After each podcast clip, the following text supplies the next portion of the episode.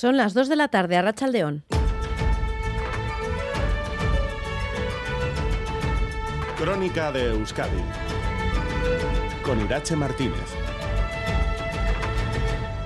Las pulseras telemáticas para controlar a los agresores en los casos de violencia machista han demostrado su eficacia y se trata de una medida ajustada porque no impiden a estos agresores el ejercicio de otros derechos. Así lo cree la presidenta de la Sala de lo Social del Tribunal Superior de Justicia del, País Vasco, Garbiñe Biurrun, lo decía esta mañana aquí en Crónica de Euskadi fin de semana uso de controles mediante estas pulseras es un uso efectivo, se está revelando eficaz a los fines que son, que es evitar más agresiones a esa concreta mujer, pues evidentemente yo creo que está que es correcto. Por otra parte, esa pulsera telemática somete al varón, agresor o denunciado como agresor a un control que yo entiendo que tampoco es un control que impida el ejercicio de otros derechos fundamentales de esta persona.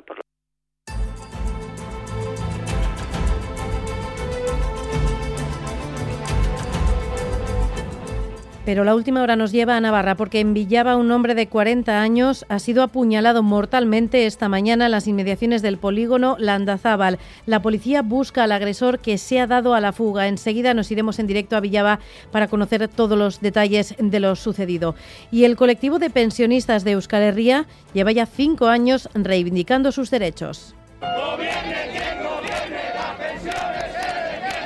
Mañana lunes se cumple ese quinto aniversario y es que cada lunes se han concentrado frente a los ayuntamientos para pedir unas pensiones dignas. En unos minutos hablaremos con ellos. Y en clave internacional, grave accidente aéreo en Nepal. Al menos 68 de las 72 personas que viajaban en el avión que trataba de aterrizar en el nuevo aeropuerto de Pokhara, en el centro del país, han muerto. La mayoría son nepalíes, pero hay 15 pasajeros que tienen nacionalidad extranjera. Se trata de una ruta doméstica de Yeti Airlines que había partido de Katmandú.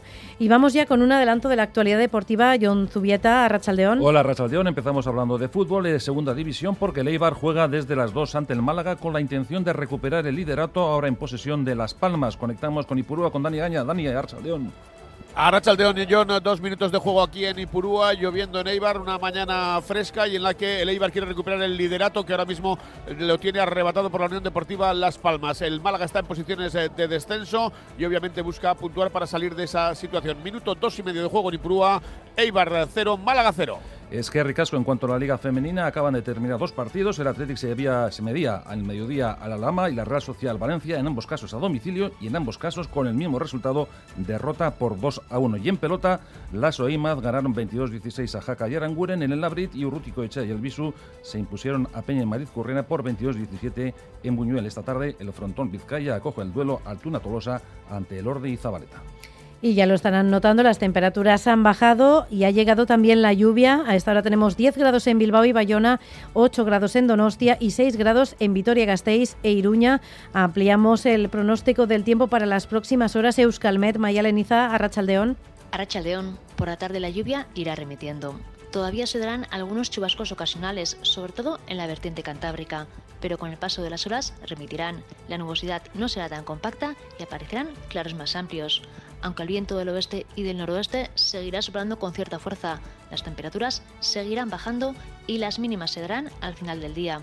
Es decir, todavía lloverá en la mitad norte, pero a medida que avance la tarde tenderá a remitir. Mañana la lluvia será la protagonista. Serán abundantes, sobre todo en la vertiente cantábrica, donde la lluvia será persistente, especialmente cerca de la costa y en el oeste. Mañana también el viento del oeste soplará con fuerza y el ambiente será frío, con máximas en torno a los 8-12 grados. En resumen, mañana tenemos que destacar la lluvia y el ambiente será fresco y muy lluvioso. En carreteras tenemos que lamentar la muerte de un hombre esta mañana. La A1 en Aspárrena ha sido atropellado por un camión. El conductor que se había dado a la fuga ha sido detenido tras dar positivo en el control de alcoholemia. Nerea Inchausti, Arrachaldeón. Arrachaldeón, el accidente mortal se ha producido esta madrugada poco antes de la 1 en la A1, en el municipio de Aspárrena, cuando supuestamente un peatón que caminaba por el arcén ha sido atropellado por un camión que se ha dado a la fuga. Según informa el Ertzaintza, hacia las doce y media se recibía la llamada de un comunicante informando acerca de una persona caminando por el arcén de la vía. Poco después, otra persona informaba del cuerpo de una persona tendida en la calzada. Tras establecer un dispositivo de búsqueda, agentes de la Ertzaintza han localizado el camión a unos 30 kilómetros del lugar.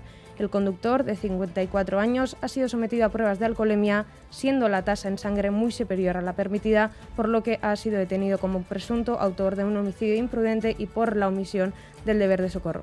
A esta hora, además, Nerea, ¿tenemos algún problema en carreteras? Según ha informado el Departamento de Seguridad, hay un camión en la AP68 poco antes de llegar a Bilbao, sentido Gasteiz, que obstaculiza la vía. Por otro lado, en la AP8 en el Goibar, sentido Bilbao, un turismo se ha accidentado, una persona ha resultado herida y el accidente obstaculiza el carril derecho. En el control técnico, Joseba Urruela, Jesús Malo y Javi Martín. Son las 2 y 5 minutos de la tarde. Seguimos. Crónica de Euskadi con Irache Martínez.